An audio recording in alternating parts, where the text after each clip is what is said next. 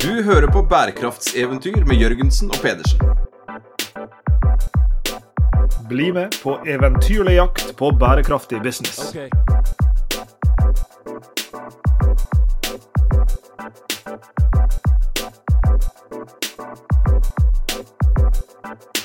Det er så kjekt Sveinung, når det tikker inn eh, e-post på eventyr.jorgensenpedersen.no. Eh, og på den eh, e-postadressen ja, der dumpa jo inn litt av hvert, men, men ganske mye handla jo om, om lytterspørsmål og, forslag til episoder. og sånt. Og Vi fikk et, et interessant spørsmål her av, av en uh, ivrig lytter som uh, lurte på det her med økosystem. Det er sånn uh, ord som det er lett å bruke om noe.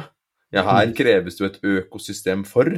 Eh, altså, er jo litt abstrakt begrep. Eh. Og Vi kan jo begynne bare med å si at dette er ikke en episode om myrlandskap og om sammenhengen mellom liksom froskens urin og vekstvilkåra til, eh, til, det der løvet som ligger oppå vannet. Da har jeg lest meg på feil ting. altså det er urin. Det, det, det skal ikke være med.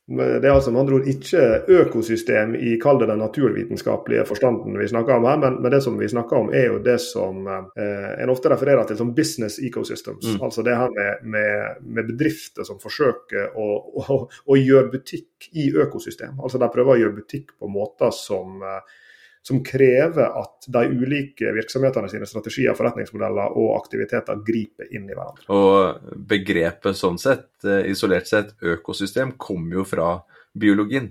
Mm. Eh, disse økosystemene hvor planter og trær og dyr og myr og alt dette her lever i et, et fellesskap. Hvis jeg husker tilbake fra naturvitenskapen på, på videregående, så var det jo snakk om sånne symbioser.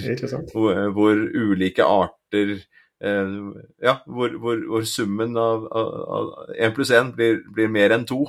Eh, fordi at de kan eh, piggybacke på hverandre og, og gi hverandre energi. og sånn overordna så er jo det som er tanken her, og når man, vi snakker om økosystemer i en sånn organisasjonsforstand, i en samfunnsforstand, så er det jo å prøve å lage sånne typer synergier mm. på tvers av eh, da ikke organismer i naturen, men på tvers av ulike eh, aktører, eh, organisasjoner, både private, frivillige og i forvaltningen. Og Du skal ikke ha lest mange artikler i uh, Sustainable Business Models-litteraturen før du snubler over de første eksemplene på nettopp ting som minner om disse begrepene du har vært inne på nå. Tenk på noe sånt som industriell symbiose, som vi skal komme helt sikkert inn på i løpet av episoden. Ja, det er jo en type forretningsmodell som nettopp baserer seg på egentlig sånn biologiske ideer.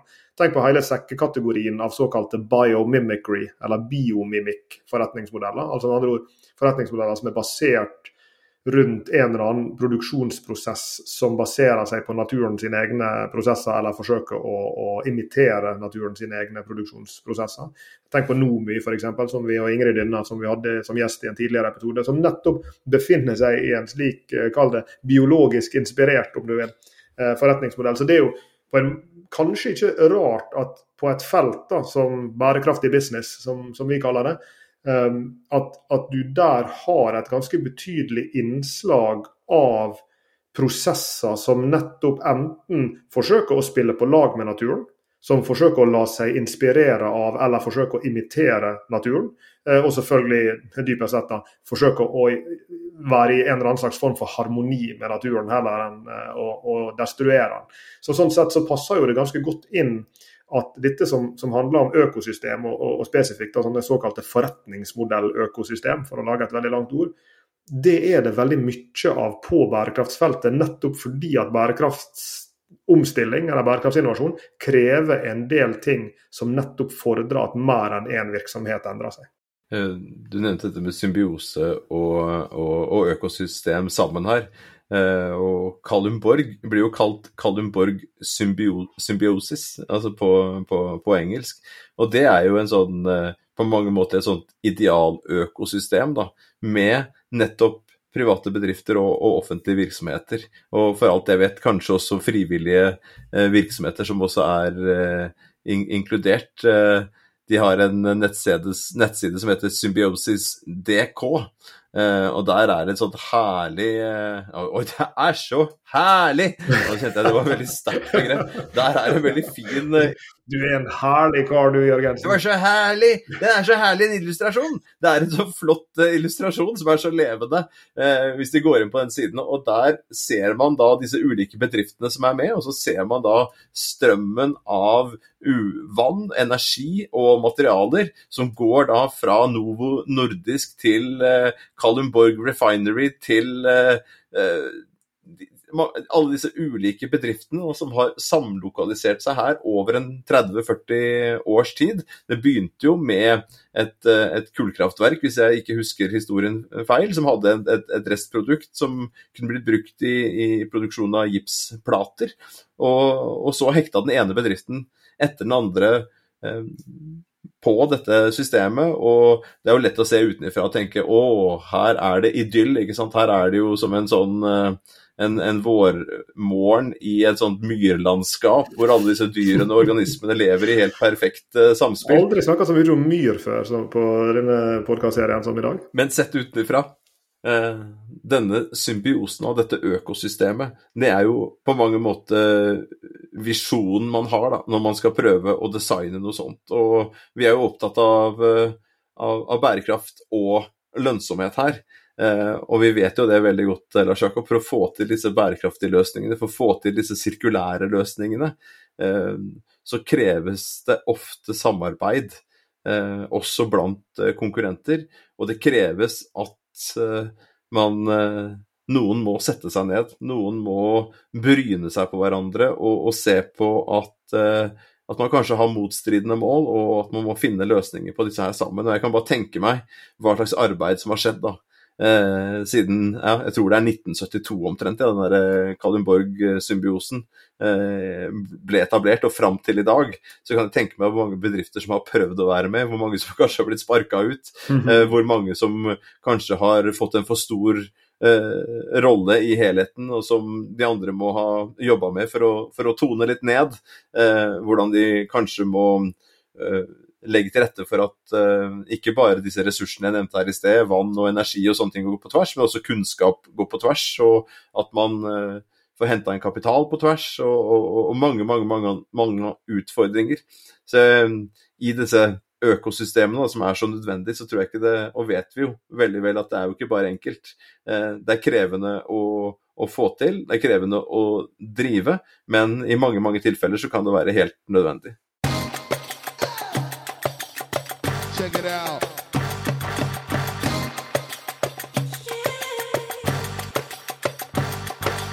Det er få ting som er så praktisk som en god definisjon. Kanskje en hammer eller en sag, eller noe men stort sett er det få ting som er så praktisk. Så jeg har lyst til å løfte fram en, en definisjon av, eh, av, hva vi mener helt presist når vi sier at noe er et økosystem i, i, i businessforstand. Uh, dette er fra en, en, studie som en kollega av oss på CBS, Copenhagen Business School, som heter Marcel Bogers gjorde, med 25 års review av økosystemforskninga.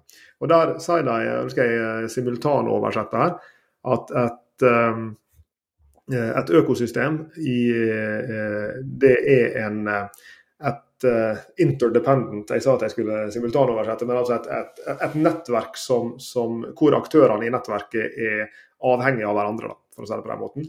Og at disse aktørene er selvinteresserte, og at de sammen skaper verdi. Eh, og i, dette, i, den definisjonen der så, så står det ingenting om, ingenting om, tvang, ingenting om må, ingenting om kontrakt. Ingen, I denne definisjonen, og dette har du betona for meg mange ganger når vi snakker om forretningsmodelløkosystem, at det er jo i aller høyeste grad en frivillig greie. Og, og, mange forretningsmodeller er helt avhengig av ulike typer partnerskap med andre aktører, og, og til og med sånne økosystemkoblinger. Og den industrielle symbiosen, da, og du brukte eksempelet med, med Kalundborg her i, i, Danmark, og vi har jo noen sånne her i Norge også, Mo næringspark og der er vel en oppe i Åndalsnes og sånn. De, de, er jo på en måte en sånn interessant mellomposisjon på den måten at det er ikke en joint venture. Det er ikke sånn at disse selskapene har, har gått sammen i et felles AS og blitt til én. Sånn, for det er veldig forpliktende. Det er heller ikke helt sånn fritt og frakobla. fordi som du sier, så har de jo lokalisert seg et sted sammen. Og de har gjort det, akkurat som definisjonen til Bogers peker på, av sjølinteresserte grunner. Så denne her Gipsplateprodusenten så jo at hvis de hadde lagt seg inn til dette energiselskapet sine vegger, så kunne de få kjapp tilgang til disse avfallsstrømmene eller ressursstrømmene da, som de trengte for å lage gipsplater. Så de gjør jo det fordi at de vil, eller de gjør det fordi at de ser en nytte i det. Eh, og I en tidligere episode som vi, vi hadde som het forretningsmodellen, der mener jeg at vi snakka oss ganske dypt inn i, i denne såkalt uh, aktivitetssystemdefinisjonen av en forretningsmodell. Altså det at en forretningsmodell er egentlig et slags system av aktiviteter, og noen av de aktivitetene kontrollerer du sjøl innenfor veggene på din bedrift. Men en del av aktivitetene skjer jo utafor. Og Det som vi snakker om her nå, det er jo bare på en måte forlengelsen av et slikt perspektiv. Det er liksom denne ideen om at for at du skal være både lønnsom, men også bli mer bærekraftig i din virksomhet, så er du avhengig av aktivitetene til og beslutningene til aktører som jo da, kanskje ligger der i nabobygninga, fordi at en har funnet ut at det er formålstjenlig at de ligger der. Men i veldig mange tilfeller så er jo forretningsmodell, økosystem, overhodet ikke geografisk lokalisert i det hele tatt. Så du kan jo være en aktør som, som driver business langt, langt, langt vekke, som du er helt avhengig av aktivitetene eller ressursene eller velviljen eller beslutningene til. Og din forretningsmodell sin fungering, om du vil, altså i rene ord for pengene, din evne til å drive butikk og tjene penger der du er. Eller for den del din evne til å bli grønnere og lykkes med en sirkulær omstilling, er helt avhengig av en annen part der ute som du ikke nødvendigvis har et kontraktsforhold til, som du ikke er i en joint venture med, men som du likevel er helt avhengig av for at dine egne greier skal funke. I fjor sommer så var vi i eh, Amsterdam etter at vi var på konferansen nede i Maastricht og besøkte våre gode venner i, i Circular X. Eh, og Amsterdam er jo et eksempel på, på noe av det. Så, og, og, der er jo forsøker man å lage et sånt økosystem eh, på bynivå. Eh, de skal jo lage den sirkulære eh, hovedstaden. Og, og, og, der jobber jo da akademiske institusjoner, NGO-er, bedrifter, offentlige myndigheter sammen for å lage sirkulære forretningsparker, de jobber med gjenbruk av materiale i byggeprosjekter, eh, de ser på utviklingen av sirkulære produkter og tjenester. Eh, så der har man en sånn annen type Kalundborg er jo sånn litt av si, en slette, et, et, et område eh, hvor det, hvor, det, hvor det, skjer mye. Amsterdam strekker jo seg sånn sett mye lengre ut. Og, og, det er jo et behov, da, for den, den sirkulære byen den finnes jo ikke i utgangspunktet. Eh, den må lages, så hvordan skal man lage den? Klarer man det på bedriftsnivå? Klarer man den som du sier da, gjennom en forretningsmodell som trekker til seg aktørene og har disse aktivitetene sammen? Eller er man nødt til å strekke da eh, lerretet enda, enda breiere og, og trekke inn ulike forretningsmodeller på tvers, men også da aktører på, fra helt andre sektorer. Og der ligger jo nettopp utfordringa. Hvordan, jeg brukte ordet i stad litt pompøst, hvordan orkestrere ulike aktører sine handlinger, sine valg og sine aktiviteter i en eh, retning som gjør, gjør dem mer f.eks. sirkulære. Vi eh, droppa nyheten i jeg husker ikke lenger om det var fjorårets siste eller dette årets første episode, om at vi hadde fått tilslaget på et uh, digert såkalt grønn plattformprosjekt fra Forskningsrådet og Innovasjon Norge.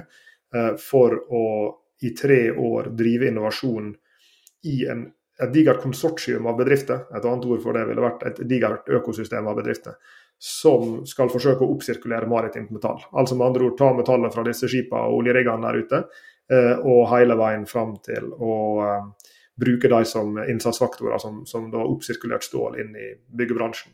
Og For å gjøre det så ble det altså satt sammen et sånt konsortium sant, av bedrifter fra, hele veien fra Da må du ha de som eier skipene, de er med. Du må ha de som eier oljeriggene, de er med. Eh, og så må du ha hele kjeden fram til en huseier, da, helt på andre enden, som eier huset der stålet skal inn. Og alle som skal bearbeide stålet, de som skal tegne bygget, de som skal ja, you name it, demontere, ikke minst, disse installasjonene som kommer fra sjøen og inn. Og vi, vi prøvde oss jo i fjor på, på, dette prosjektet, her, men da kom vi akkurat litt til kort. Vi havna på, på venteliste. Eh, og Noe av begrunnelsen for det var jo at i, i det opprinnelige konsortiet, eller om du vil i det opprinnelige økosystemet, så mente de som evaluerte prosjektet at det mangla en stor puslespillbrikke, nemlig verftsbransjen. Og Verfta er jo en en viktig hub her, som bindeleddet på et vis mellom hav og land. Og mye, så, mye av den flyten av ressurser som skal skje for at du skal suksessfullt transportere flytende stål der ute til et bygg på land og alt som skjer imellom, ja, det, det må gå gjennom disse verftene. Og, og, da var det altså, hvis du tenker på det metaforisk, da, i et puslespillbilde av hvordan denne sirkulære verdikjeden så ut, så mangler det en viktig puslespillbrikke, som da nå i det endelige konsortiet er der.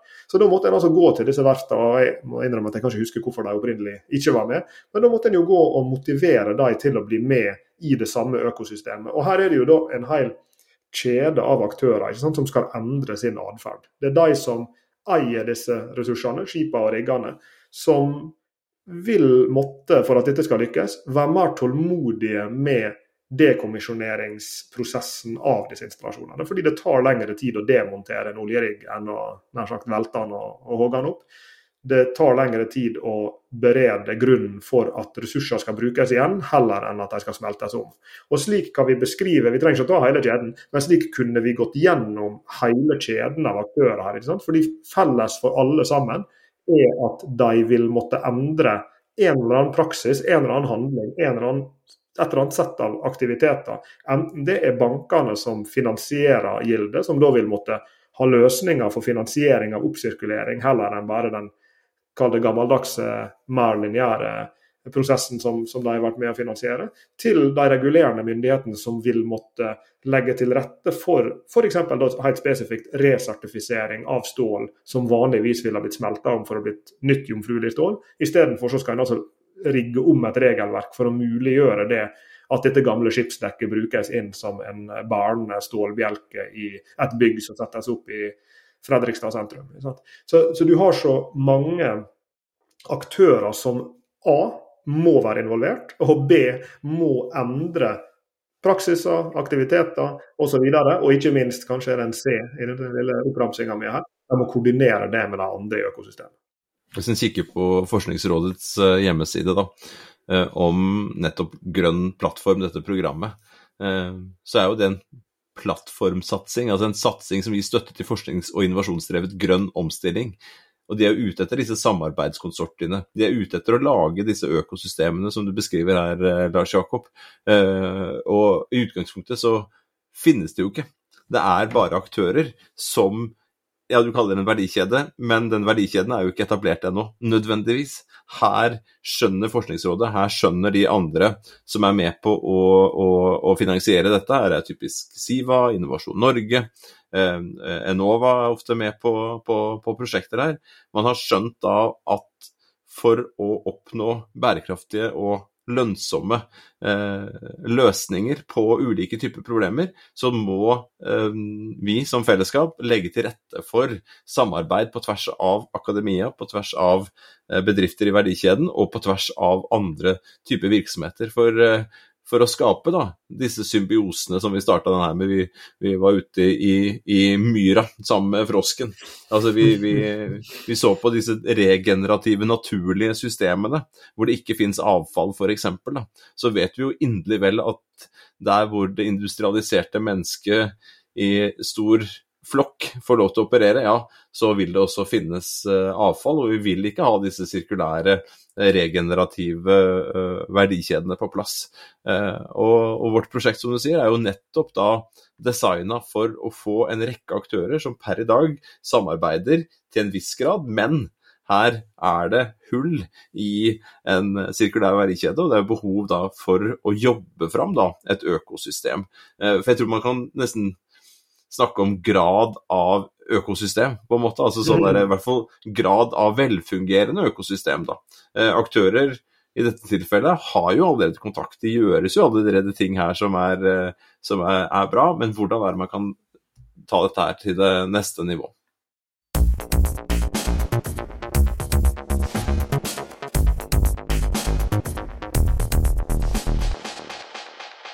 Klarer ikke å dy meg. Du skulle jo aldri sagt uh, det du sa der, for dette, dette er et veldig, dette, dette synes jeg er et veldig godt uh, altså, Denne ideen om, om, om, gradene av økosystemet og gradene på en måte av sammenkobling. og Jeg, jeg tror jeg faktisk en kan legge til uh, en ting til. fordi at en kan si at, at det handler ikke bare om, om graden av, men også typen av. av samhandling. Og, og Der er jo massevis av eksempel på, liksom, på samhandling i, i, bransjer og i, i marked. Hvor ja, F.eks. et sånt fenomen som co-opetition, som var et populært begrep på, på 90- og tidlig 2000-tall. Denne ideen om at i strategiene til bedrifter så må en av og til tenke at den virksomheten som er min konkurrent i et marked, kan likevel være min samarbeidspartner eller min partner på den ene eller andre måten i et annet marked, eller overfor et annet kundesegment. Og Det ser vi jo eksempel på at, at jo, til og med konkurrenter kan samarbeide under visse forutsetninger i visse marked. Ja. Eh, og, og, Når en skal forsøke å bygge sånne økosystem, så vil en jo også se at det ofte er eh, og dette var du vel inne på i sted, at det ofte kan være helt motstridende mål som gjør at det er vanskelig å få økosystemet til å fungere. I en tidligere episode denne, som heter Forretningsmodellen, som jeg henviste til, så tror jeg vi var innom musikkbransjen og Spotify i lys av denne playlist-serien på, på, Netflix.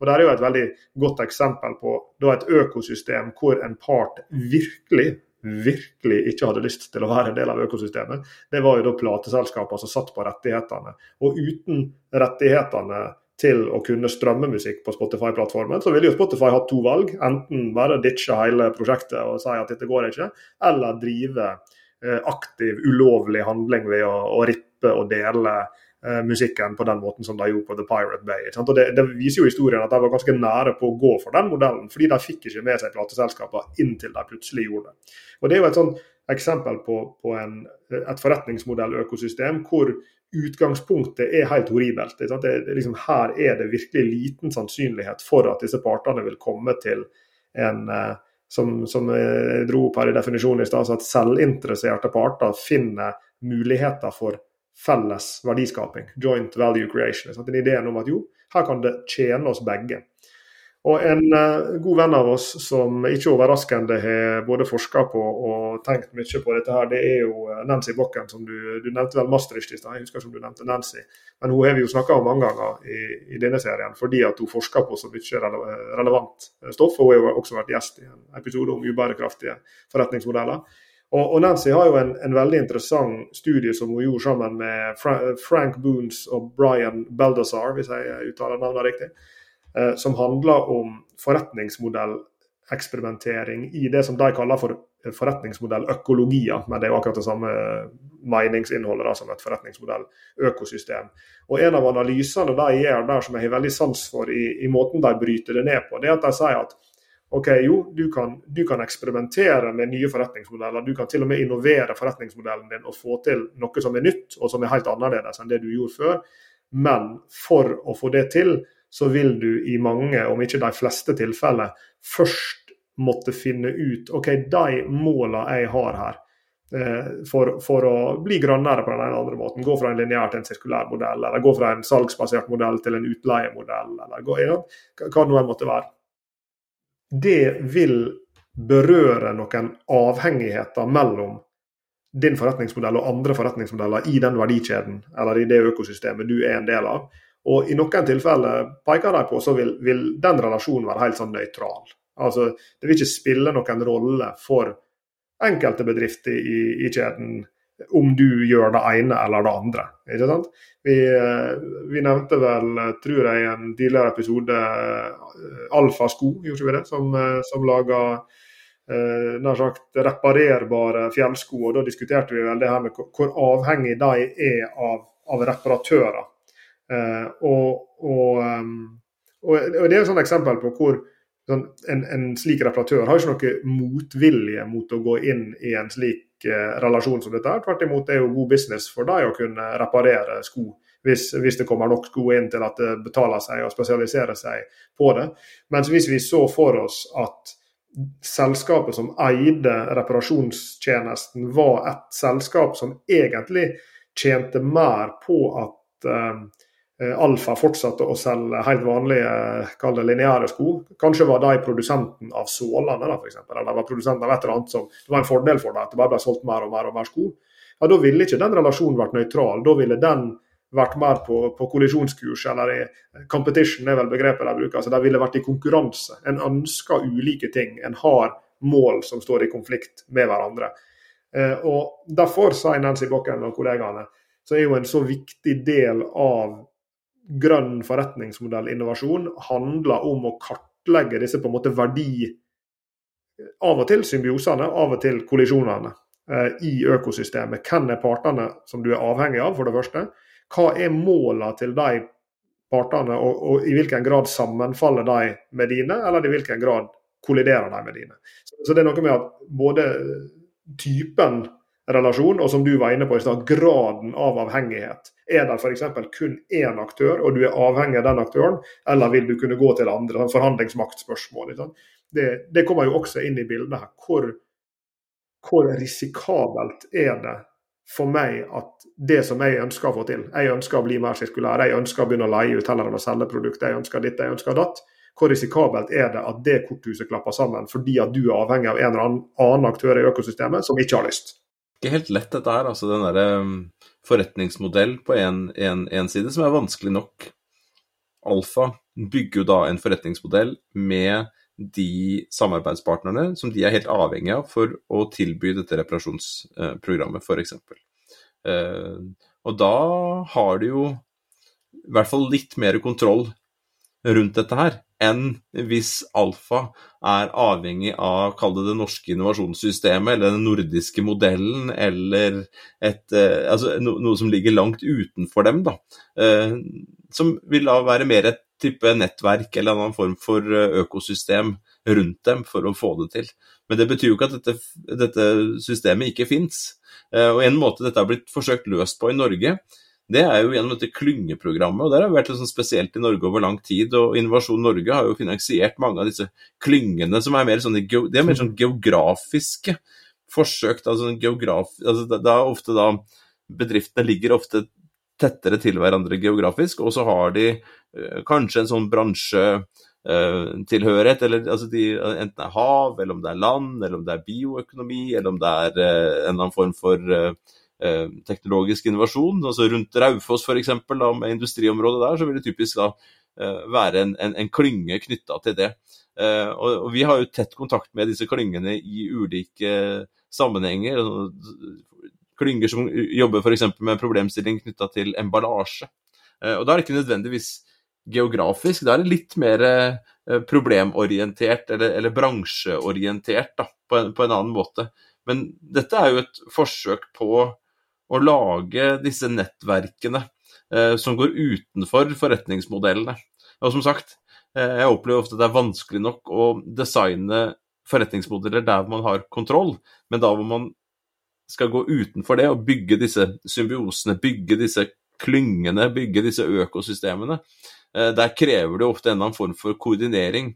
Og fellesskapet vårt, da, altså gjennom Innovasjon Norge f.eks., har jo da iverksatt disse klyngene også for å koordinere den, det samspillet som da må til, eh, på tvers av bedrifter, på tvers av forretningsmodeller, på tvers av eh, offentlige, eh, frivillige og, og, private virksomheter, for å nettopp skape disse gode, gode økosystemene. For det er der resonnementet ditt begynte også. altså sånn der, ja, hva er det, som, hva er det vi tenker på som et mer eller mindre godt og velfungerende økosystem. Markedsøkonomien, da, som er et fascinerende dyr. Det er mange som ikke liker han, og så er det mange som romantiserer han, og så er det mange shades of grey mellom det. Men sånn, det er jo veldig mange ting et marked klarer å organisere helt av seg sjøl, som er jo veldig fascinerende. Ja. Den, eh, en av de store mysteriene i det er nesten, Noe nesten litt sånn magisk over hva et marked kan Ja da, marked produserer veldig mange dårlige utfall, men det er jaggu mye aktivitet som bare blir koordinert helt sånn i en viss forstand av seg sjøl. Eh, Det som vi snakker om her nå i dag, da, det må jo på en måte nødvendigvis kanskje befinne seg litt i den delen av økonomisk samhandling, om vi skal kalle det det, mellom bedrifter, som, som, er, som ikke kommer av seg sjøl. Jeg synes det er et veldig eh, godt eksempel du drar opp med disse klyngene. For det er jo på en måte Jeg tenker på klyngen som definitivt har veldig mye med økosystemet å gjøre, men det er nesten ett nivå over igjen. Det er nesten sånn en tanke om at liksom vi her tar vi alle aktørene i sjømatnæringa på Vestlandet og så putter vi det inn i klyngen NCE Seafood Innovation. her tar vi alle teknologibedriftene rundt Raufoss, NTNU Gjøvik og you name it, og putter dem inn i nå husker jeg ikke hva den klyngen heter.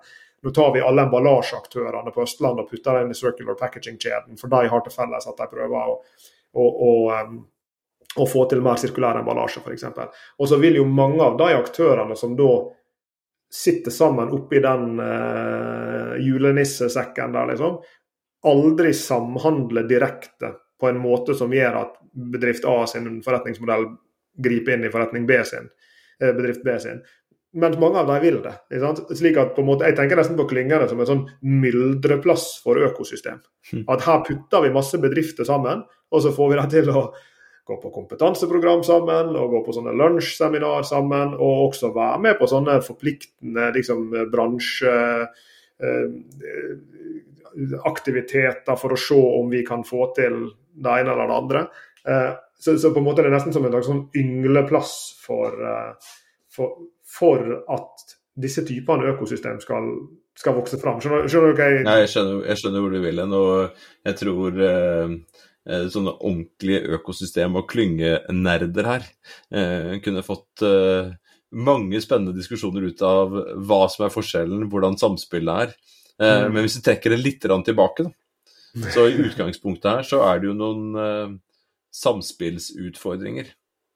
Altså vi har noen utfordringer knytta til å få organisasjoner og mennesker til å gå i takt der hvor de kan velge å gjøre noe annet, og der de kanskje ønsker å gjøre noe annet. Mm. Og så kan det være mange ulike formål her. Det kan jo være å rett og slett skape eh, profitt, altså økt lønnsomhet, eh, nye arbeidsplasser. Det trenger, trenger jo ikke å være direkte bærekraftsrelatert, men ofte så iverksettes dette fordi det er noen bærekraftsproblemer. Og jeg tror disse rampete, wicked bærekraftsproblemene er et eksempel på ja, forhold hvor det absolutt er nødt, nødvendig da, å, å få til dette samle, samle, samspillet. Som du sier, om det er klynge eller økosystem som ligger øverst, og, og, og eh, hva de ulike ja, organisasjons- eller, eller, nettverkstypene har som formål og, og, attributter, eller hva man skal kalle det for noe. Det, men det overordnede her er hvordan i all verdens navn få til samarbeid der hvor det ikke er samarbeid, for å nå noen mål. Og Der er jo dette eh, programmet vårt da, et eksempel på det. For per i dag så tas ikke boreriggene og skipene inn eh, til den norske kysten i stor grad. Det blir ikke brukt, gjenbrukt i sin nåværende form. Det blir i stor grad da hugga opp og sendt av gårde og smelta ned til eh, spiker og, og, og andre stålprodukter. Og for å få til da å løse dette problemet lokalisert i Norge, sånn at det blir mindre transport og dermed også CO2-utslipp, at eh, man slipper å smelte om dette stålet og lage nye produkter, heller bruke det på nytt igjen. Eh, at byggenæringen er nødt til å begynne å bruke og, lære seg å, være helt trygge på, nå er jo Sintef med, da, eh, blant annet her, for å bli helt trygge på at det, det stålet det er godt nok, og vel så det, for å kunne holde et hus oppe i de hundre årene som, eh, hundrevis av årene som er eh, nødvendig. Og da må det skapes et økosystem som ikke finnes, for å løse et problem.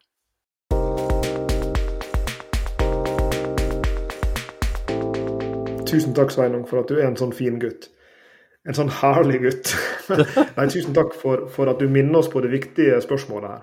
Eh, og det viktige spørsmålet alltid er jo hva er problemet? Altså, hva er det, hva, hva er det, altså, hvorfor er det vi sitter her og vier så langt 33 eh, minutter til, til å grave oss ned i økosystemet? Og jo, som du sier, der er noen sånne store, vanskelige problem der ute som skal løses, som kun kan løses ved at aktører går sammen og samordner seg, samhandler og sørger for at alle aktørene som har et slags eierskap til problemet, går i den retninga og i den farten og, og med, med, den samhandlinga som er nødvendig.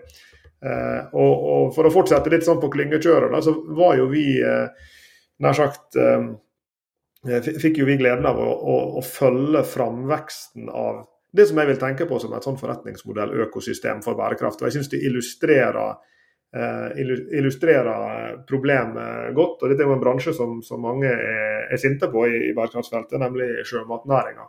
Og, og, Et stort eh, problem som sjømatnæringa har, et, et, av mange, er jo eh, knytta til, til utslippet av slam fra oppdrettsmerdene og ned i fjorden, som kan gå på bekostning av oi, nå skal jeg ta det, økosystemer. Men ikke forretningsmodell-økosystemer, men disse her eh, som handler om froskene og myrene og greier. Altså livet under, under vann eh, disse økosystemene som, som slammet da er med på å, kan være med på å forurense og skape problemer for. Men i tillegg, vil en god sirkulær økonom si, så er det jo også masse uuthenta ressurser i dette slammet. For slammet er jo ikke bare avfall, det er jo også et ressursreservoar hvor det er eh, nitrogen og der er fosfor og der er andre ting som vi trenger. Og, og Da fikk jo vi se gjennom et sånt sirkulærøkonomiprogram eh, som vi var en, en del av nettopp i regi av NCE Seafood Innovation-klyngen, så fikk vi se dette nettverket som kaller seg for Aral eh, vokse fram. De har en nettside til og med, aral.no. Eh, og Det står øverst 'Aral fra avfall til ressurs'. Eh, kanskje en dag må vi ta en prat med, med prosjektleder Ole Arthur, som vi, som vi, har hørt om dette prosjektet fra før. En, kanskje dukker han opp i din en podkastserie nær deg snart. Og, og, Det som, som er, er slående, syns jeg, nettopp med dette, med dette prosjektet der, er jo at jo, ja, hva er problemet? Jo, her er et problem knytta til at det lekker slam, da, for å bruke den eh, termen, ned fra mardene og ned i fjorden. Det er gærent for fjorden. Men de som eier og drifter mardene, har ikke ressurser eller nær, nær sagt det sett av aktiviteter som kan sette dem i stand til å fange opp dette slammet, og langt mindre nyttiggjøre det. Og, og Derfor så gikk da noen oppdrettere sammen med Eh, aktører som kan fange opp slammet ved hjelp av ulike typer sånne pumper. og nå husker ikke alle, alle detaljene i dette, her, men du, du trenger altså oppsamling i bunnen av merdene. Du må filtrere slammet, du må få lagra slammet i en slags tank ved sjøen. Og du må få den inn til land, og du må eh, behandle dette slammet slik at du får henta ut disse verdifulle ressursene som er i det, og skilt dem ut fra kall avfallsdelen av slammet, eh, om du vil. Og, og denne, dette nettverket her, det inneholder jo da mange ulike eh, aktører. Det er Aquapro som lager eh, lastebøyer for oppbevaring av slammet. Det er Ragn-Sells havbruk som tar seg av slam og bearbeider det. Det er Amo Fjell Process Technology som, som, lager disse pumpene, hvis jeg husker det rett. Eller er det kanskje Liftup, som er det siste selskapet som gjør. Og så er det da eh, oppdrettere, det er bl.a. Lerøy som, som, er involvert. Og, og Her er jo da et eksempel hvor en fiskeoppdretter har et problem. Her er noen teknologileverandører som har et sett av løsninger. Satt sammen i et økosystem, så vil denne gjengen til sammen kunne ta slammet, forhindre at det havner på bunn, og nyttiggjør seg av det på en slik måte at dette blir til nye produkter som kan selges i et marked. For noen kan kjøpe fosfor, noen kan kjøpe nitrogen og bruke den inn i f.eks. inn i landbruket. Ja. Men dette er et sånt eksempel på at dette vil jo ikke markedet, for å bruke det bildet jeg brukte i stad, løst av seg sjøl. Sånn, dette bare skjer liksom, fordi det er sånn markedet. Akkurat som prisen på loff når du kommer på butikken om morgenen er blitt uh, bestemt av markedet. Dette er jo en aktiv, bevisst handling av en gjeng aktører som ser her har vi et problem. Dette problemet må vi få kontroll på. Noen av oss eier problemet på en måte, har litt mer sånn ansvar for problemet. Noen av oss har, ser muligheter i å være med på å løse problemet. Og alle disse aktørene er nødt til å danse sammen i samme bit for at uh, dette skal hvem er det som har vært uh, eh, DJ-en bak den uh, biten, Lars Jakob? her er det jo en klynge også involvert. Nettopp. Tenker da på NCE Seafood Innovation Cluster. Uh, og Vi fikk jo lov til å være med i en tidlig fase av dette her prosjektet og, og, og vært med og diskutert, vi også, fra da, en sånn akademisk institusjon. da, uh, For å sette disse aktørene sammen og være med på diskusjonene. Og, om vi ikke har vært helt sånn jordmødre, så har vi kanskje vært litt jordfedre uh, bak det. Men, men, aller viktigst, altså viktigere enn oss, absolutt, for vi har vært en sånn sett liten rolle oppi der, så tenker jeg på da denne, denne klyngen. Som da har blitt nedsatt av, av eh, det jeg kaller fellesskapet, da, gjennom Innovasjon Norge og, og, og, de eh, som har vedtatt dette her, for nettopp å, å se på hva slags type problemer finnes i denne bransjen. Hvordan kan man da få til et samspill på tvers her, for å organisere det på en sånn måte at vi kan få til denne type løsninger. Eh, og Det som er deilig med innovasjon oppi det hele, da, og litt vondt, er jo da det vedtaket enda en gang ble fatta om å starte den klyngen, så var det ingen som tenkte akkurat på det problemet, eller akkurat de aktørene. Men ved at det settes sammen, ved at det legges til rette for det, Eh, så kan det da stimulere til et, eh, et, samarbeid på tvers av bransjene, og, og, som du sier, som ikke nødvendigvis ville vært styrt litt av seg selv, av, av markedet. Eh, hvor man da trenger samspillet mellom ulike former for markedsmekanismer og, og, og, samarbeid. Så skal vi redde de faktiske økosystemene der ute, da. At frosken skal få det triveligere på, i hverdagen sin så vil antageligvis disse typene forretningsmodelløkosystem være en del av løsninga. Fordi som vi har forsøkt i denne av samtalen å sannsynliggjøre, så er det jaggu vanskelig å gå fra en lineær til en sirkulær verdikjede uten eh, at her er noen slags form for orkestrert eller kuratert samhandling av aktivitetene på tvers av organisatoriske grenser, på tvers av forretningsmodeller som er nødt til å fungere sammen. Det krever at en forstår disse disse samhandlingene og, og, hva de består i. At en forstår målkonfliktene, og at en håndterer målkonfliktene. Av og til er det kanskje sånn at her er det en aktør som har så mye å tape på å gå vekk fra status quo, at, at de må kompenseres på en eller annen måte for, for det, f.eks. Eh, og det gjelder ikke bare overgangen fra lineære til sirkulære forretningsmodeller. Det gjelder mer generelt veldig mange typer bærekraftsinnovasjon. At det nettopp fordrer disse typene samhandling som, eh, som vi har forsøkt å kaste litt lys på Sveinung, i denne episoden. her. Jeg syns det var gøy, og vi har eh, dratt opp flere aktører her som jeg håper vi kan ta en nærmere prat med etter hvert. Men akkurat for denne episoden så tror jeg vi sier takk for oss. Herlig. Du har hørt på Bærekraftseventyr med Jørgensen og Pedersen. Send e-post til eventyr.krøllalfa.jorgensenpedersen.no for å stille spørsmål eller komme med forslag til tema for fremtidige episoder. Og besøk jorgensenpedersen.no for mer informasjon om denne podkastserien. Okay. Derfra kan du også fortsette samtalen med oss i sosiale medier på Twitter, Facebook, LinkedIn, YouTube og andre steder.